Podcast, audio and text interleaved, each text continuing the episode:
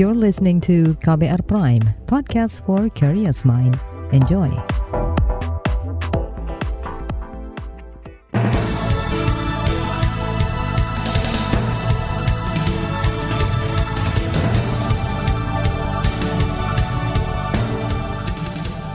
Selamat pagi saudara, senang sekali kami bisa menjumpai Anda kembali melalui program Buletin Pagi edisi Senin 25 Juli 2022. Bersama saya, Naomi Liandra.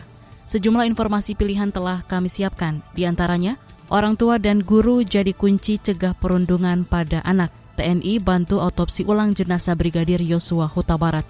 Anies resmikan Jakarta International Stadium. Inilah Buletin Pagi selengkapnya. Terbaru di Buletin Pagi. Saudara Presiden Joko Widodo memerintahkan pelaku perundungan dihukum sesuai aturan yang berlaku. Pernyataan tersebut diutarakan Jokowi saat peringatan Hari Anak Nasional akhir pekan lalu. Perintah itu keluar ketika Jokowi menanggapi kasus kematian anak di Tasikmalaya, Jawa Barat yang diduga akibat dirundung teman sebayanya. Saya kira semuanya diproses siapa pun. Tidak ada yang namanya kekerasan verbal, nggak ada yang namanya perundungan, nggak ada yang namanya kekerasan fisik, nggak ada yang namanya kekerasan seksual, semuanya. Karena memang aturannya itu tidak diperbolehkan dan itu ada pidananya.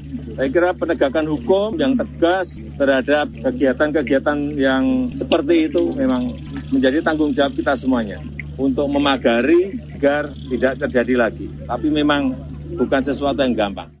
Itu tadi Presiden Jokowi. Sebelumnya seorang bocah 11 tahun meninggal setelah dipaksa menyetubuhi kucing oleh keempat teman sekolahnya. Perbuatan itu kemudian direkam dan disebarkan hingga membuat korban berinisial FH depresi berat dan meninggal saat menjalani perawatan.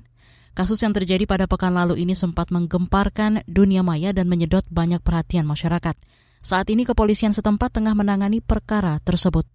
Sementara itu menurut Kementerian Pemberdayaan Perempuan dan Perlindungan Anak Kemen PPPA, kasus perundungan yang melibatkan anak sebagai pelaku dapat dikategorikan dalam pidana khusus.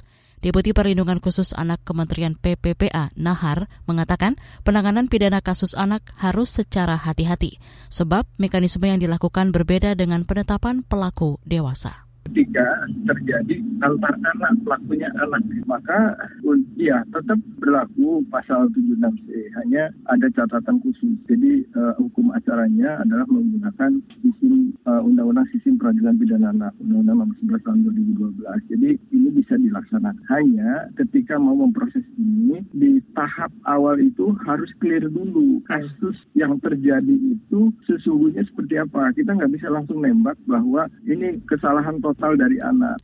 Selain pasal pemidanaan khusus dalam kasus kejahatan anak, ada pula pasal tentang sistem peradilan pidana anak yang menyatakan tidak boleh ada penahanan selama orang tua atau lembaga bisa menjamin terduga bersikap kooperatif.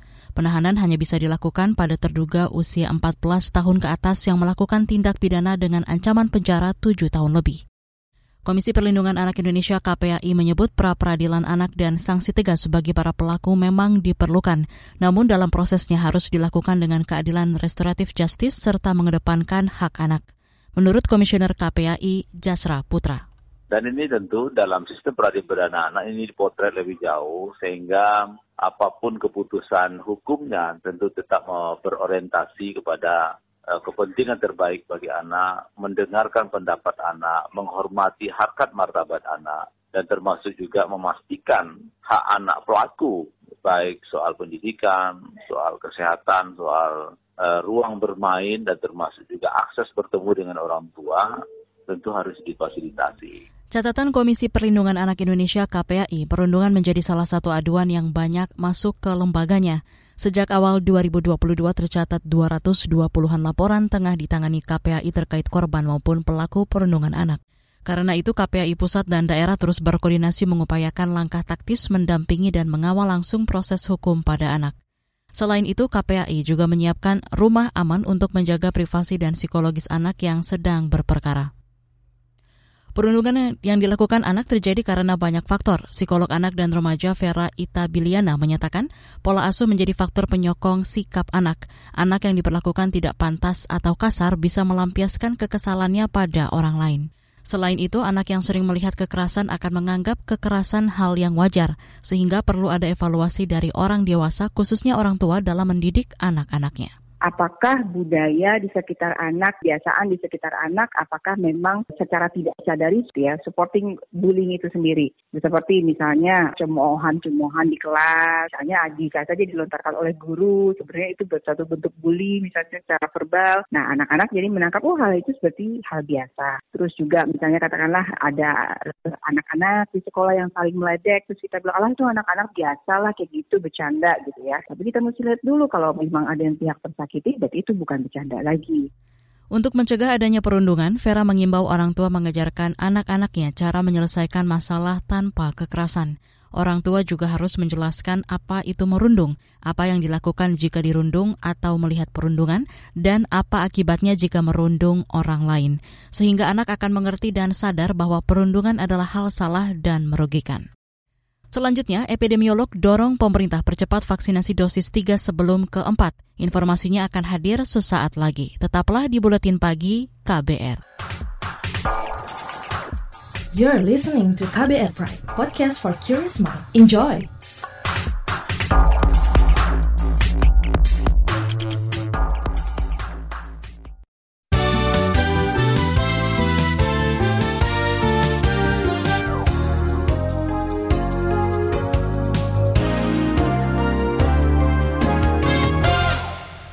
Anda sedang mendengarkan buletin pagi KBR. Saudara, pemerintah diminta memaksimalkan cakupan vaksinasi dosis ketiga atau booster COVID-19 sebelum memulai vaksinasi dosis keempat. Epidemiolog Universitas Erlangga, Laura Nafika Yamani, menilai rencana vaksinasi dosis keempat atau booster kedua lebih baik dilakukan jika capaian vaksin dosis ketiga di atas 50 persen booster pertama. Nah, ketika nanti misalkan itu sudah menunjukkan uh, angka cakupan yang cukup tinggi, artinya sudah uh, melampaui 50 persen ya, karena sekarang ini kan masih kurang dari 50 persen. Nah, ini boleh mungkin uh, akan difokuskan pada pemberian booster yang kedua. Epidemiolog Universitas Erlangga Laura Nafika Yamani menambahkan, vaksinasi dosis keempat cukup penting untuk mengantisipasi adanya gelombang baru virus corona. Namun dosis tambahan ini perlu diutamakan bagi tenaga medis, lanjut usia, dan penderita komorbid. Ketiga golongan tersebut sangat rentan terjangkit virus yang terus bermutasi. Kita ke informasi hukum. Salah seorang dokter forensik dari Rumah Sakit Angkatan Darat RSPAD Gatot Subroto akan bergabung dengan tim Perhimpunan Dokter Forensik Indonesia PDFI dalam tim autopsi ulang Brigadir Yosua Huta Barat. Panglima TNI Andika Perkasa menegaskan TNI tidak akan mengintervensi proses otopsi dan hanya mengawasi proses tersebut. Saya dengar ada keinginan, apakah dari tim pembela hukum atau dari pihak Polri, yang jelas kami siap. Kami siap karena memang kami punya sumber daya manusianya. Kami juga punya rumah sakitnya seandainya diperlukan. Dan ternyata salah satu dokter kami, forensik kami, memang dipilih oleh perhimpunan tadi. Jadi perhimpunan ini kan yang juga isinya adalah mereka-mereka yang kompeten, senior, yang kemudian menjaga kode etik dan seterusnya, kualitas. Itu tadi Panglima TNI Andika Perkasa. Sebelumnya, kepolisian menyetujui otopsi ulang jenazah Brigadir Yosua. Otopsi tersebut rencananya dilakukan di Jambi pada Rabu mendatang. Proses ini akan melibatkan pakar forensik Perhimpunan Dokter Forensik Indonesia, ahli forensik dari sejumlah universitas. Selain itu, pihak-pihak yang diusulkan kuasa hukum keluarga Brigadir J seperti rumah sakit dan tim forensik dari unsur di luar Polri. Kita beralih ke informasi ekonomi. Krisis ekonomi yang terjadi di Sri Lanka tak akan terjadi di Indonesia. Penilaian ini disampaikan pakar ekonomi dan politik Islam Dwi Condro Triyono. Alasannya kata dia, nilai tukar rupiah terhadap dolar yang masih cukup stabil. Namun Indonesia harus mulai waspada atau dapat lampu merah jika nilai tukar rupiah tembus di angka 16 ribu. Kemarin sempat khawatir karena nilai tukar rupiah itu menembus 15 ribu. Ini sudah lampu kuning ya. Tapi kenyataannya kemudian Eh, menguat lagi rupiah. Dolar turun lagi kembali apa di bawah 15 ribu. Nah itu menjadi sebenarnya sebagai orang awam kita tinggal lihat saja uh, indikator ekonomi yang paling mudah nilai tukar rupiah terhadap dolar. Karena nanti kalau sudah menembus 16 ribu sudah warning ini sudah lampu merah. Dwi Condro menyebut jika rupiah terus melemah berarti Indonesia selama ini tidak mendapatkan keuntungan dari komoditas yang diekspor ke luar negeri. Namun sebaliknya, jika rupiah menguat, maka ada keuntungan dari komoditas yang diekspor. Menurutnya, sebagai negara kaya, nilai tukar rupiah harus menguat, jika tidak maka ada banyak permainan oligarki yang mencengkram. Kita ke informasi pemilu.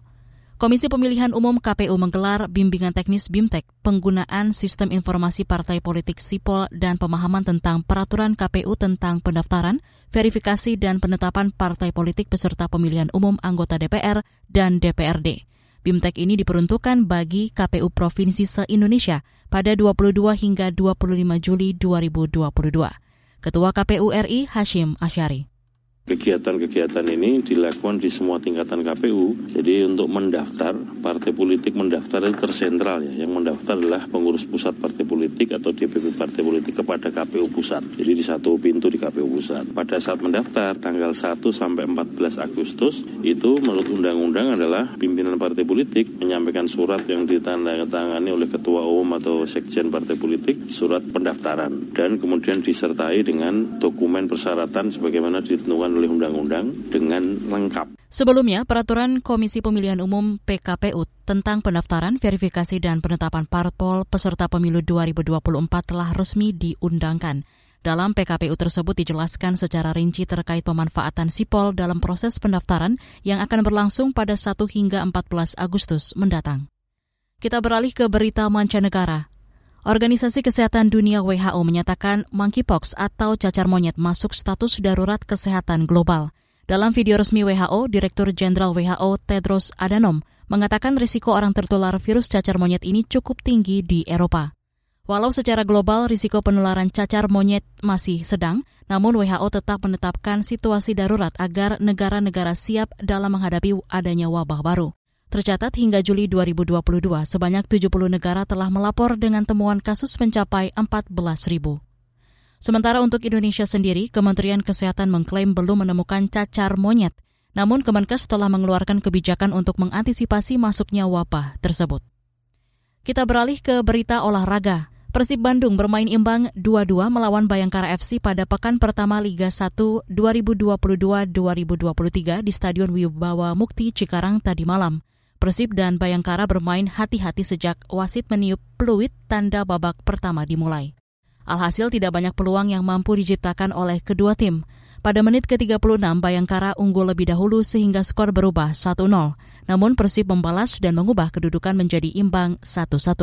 Kejar-kejaran skor terus terjadi hingga babak kedua selesai skor 2-2 tak berubah.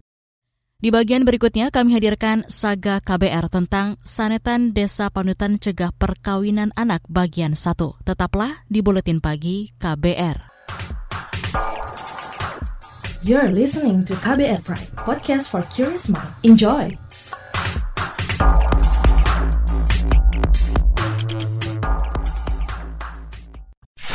Commercial break. Commercial break.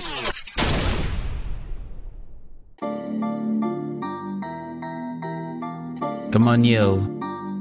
Buat yang sukanya berhoax You better listen to this one. Check this one out yo. Hati-hati kalau baca kabar Hoax.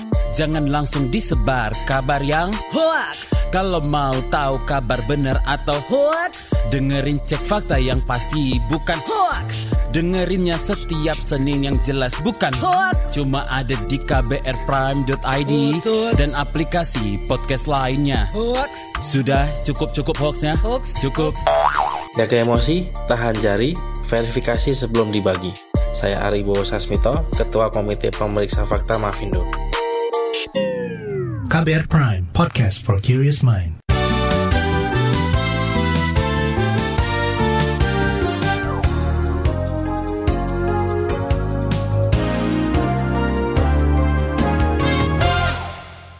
Anda masih bersama kami di Buletin Pagi KBR. Masih dalam suasana peringatan Hari Anak Nasional, kami hadirkan kisah inspiratif dari Rembang, Jawa Tengah. Di sana ada desa Sanetan yang mendahului zamannya dalam upaya tolak perkawinan anak. Warga diedukasi dan diberdayakan hingga mampu menyusun peraturan desa tentang perlindungan anak. Jurnalis KBR Nini Yuniati berbincang dengan perangkat desa Sanetan tentang lika-liku perjuangan menolak perkawinan anak. Berikut kisah bagian pertama yang dibacakan Astri Yuwana Sari. Kalau sekarang nggak bu, aku pengen dinikah nggak. Mau sekarang bu, pengen sekolah kedai pripun. sudah beda. Siti Naomi bangga menceritakan desa Sanetan yang makin maju. Desa ini menjadi desa pertama di Rembang, Jawa Tengah yang memiliki peraturan pencegahan perkawinan anak yang terbit pada 2016. Sanatan bahkan mendahului putusan Mahkamah Konstitusi tentang batas minimal usia perkawinan yang berujung pada revisi Undang-Undang Perkawinan pada 2019. Kini, anak tidak boleh lagi dinikahkan karena batas minimal usia perkawinan ditetapkan 19 tahun, baik laki-laki maupun perempuan. Jejak progresif desa Sanetan tak lepas dari dedikasi perangkat desa seperti Siti Naomi yang berjuang sejak awal. Ia mengisahkan, dulu praktik kawin anak di Sanetan dianggap biasa. Lulus MTS, lulus SMP dinikahkan. Padahal kita juga tahu kalau suami masih anak-anak juga kan juga nggak bisa kerja. Otomatis menyumbang kemiskinan. Jumlah kemiskinan kan kayak gitu Siti tergugah untuk mengubah kultur ini karena tak ingin generasi muda Sanetan bernasib sama sepertinya, menikah di usia anak. Saat itu ia belum genap 18 tahun atau masih masuk kategori anak menurut Undang-Undang Perlindungan Anak. Penyesalan itu yang membuat saya pengen ada perubahan.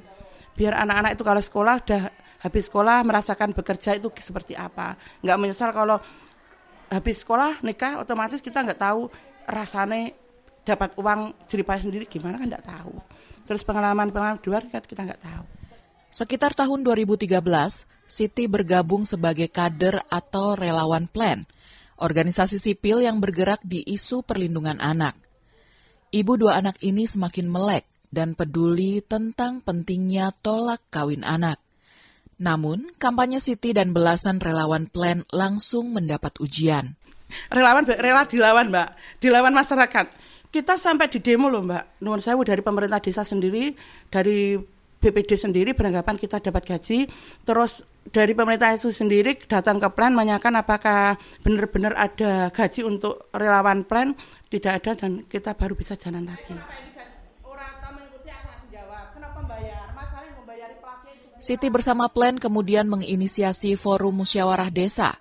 Warga dibagi menjadi beberapa kelompok dan mereka aktif berdiskusi tentang permasalahan desa. Biasanya kan kalau anak-anak digabung sama orang tua kan nggak berani bicara, jadi kita kumpulin anak-anak dulu. Setelah itu ibu-ibu, setelah ibu-ibu baru bapak-bapak gitu itu perdusun-perdusun kesimpulannya di desa itu ternyata masalah terbesar adalah pernikahan usia anak dan ini terus harusnya gimana akhirnya ketemu gimana kalau kita berdeskan kan waktu kita Lewat dampingan plan, warga menyusun peraturan desa tentang cegah perkawinan anak. Prosesnya penuh liku. Itu membuat perdas gak lancar, Mbak. Namanya juga kita membuat aturan baru. Merubah pola pikir, ya, merubah pola pikir masyarakat.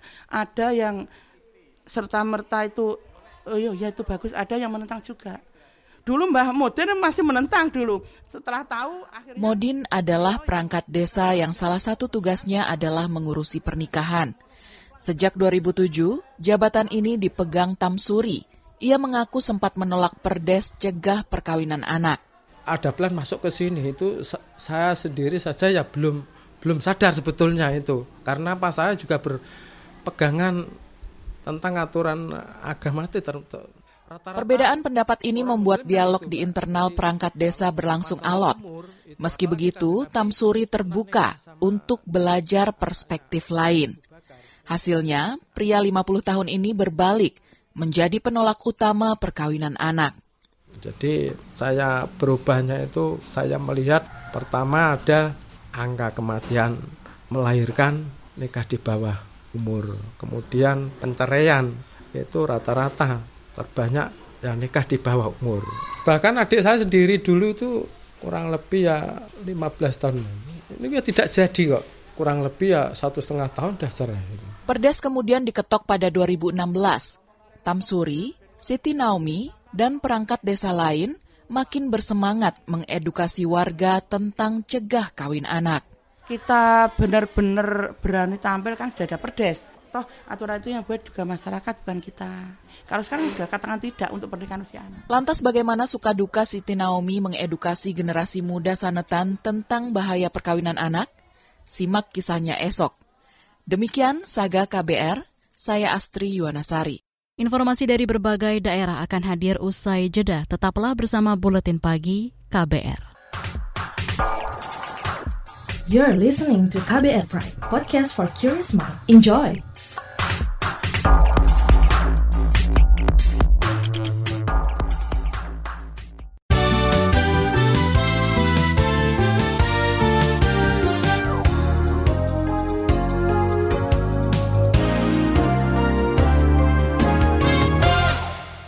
Inilah bagian akhir buletin KBR.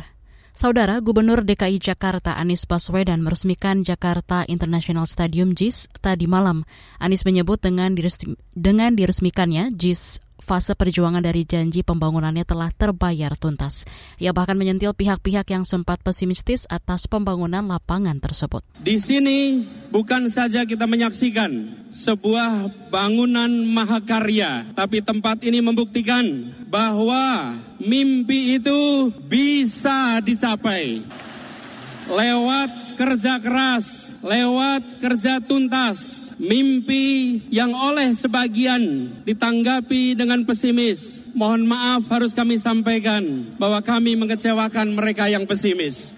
Anies mengklaim pembangunan stadion ini dikerjakan sepenuhnya oleh anak bangsa. Untuk itu ia mengapresiasi peran serta dukungan dari pemerintah pusat serta Presiden Joko Widodo dan The Jakmania sehingga stadion tersebut dapat berdiri. JIS merupakan stadion yang terletak di Jakarta Utara memiliki kapasitas 82 ribu penonton. JIS dibangun dengan gaya stadion sepak bola modern yang menghabiskan biaya hingga 5 triliun rupiah.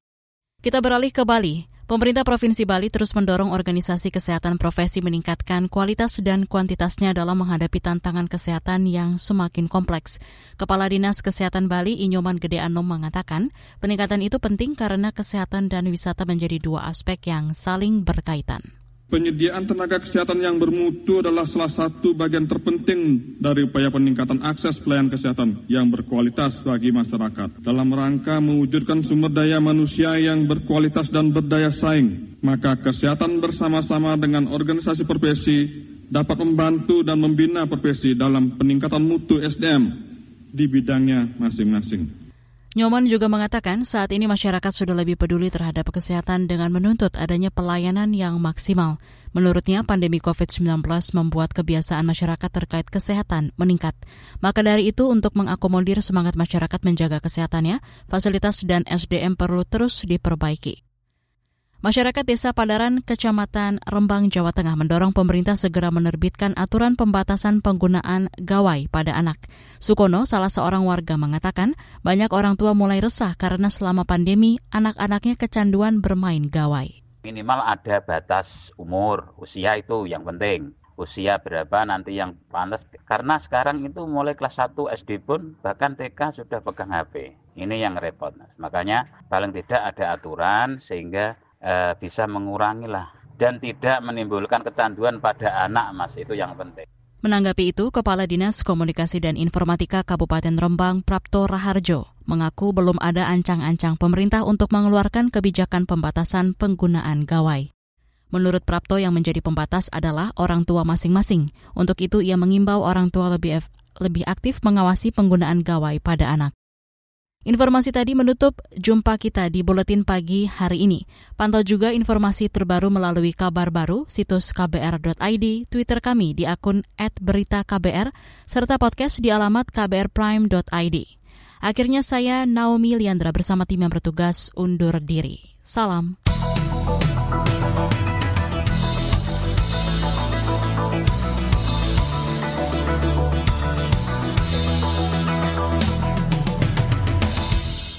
KBR Prime, cara asik mendengar berita.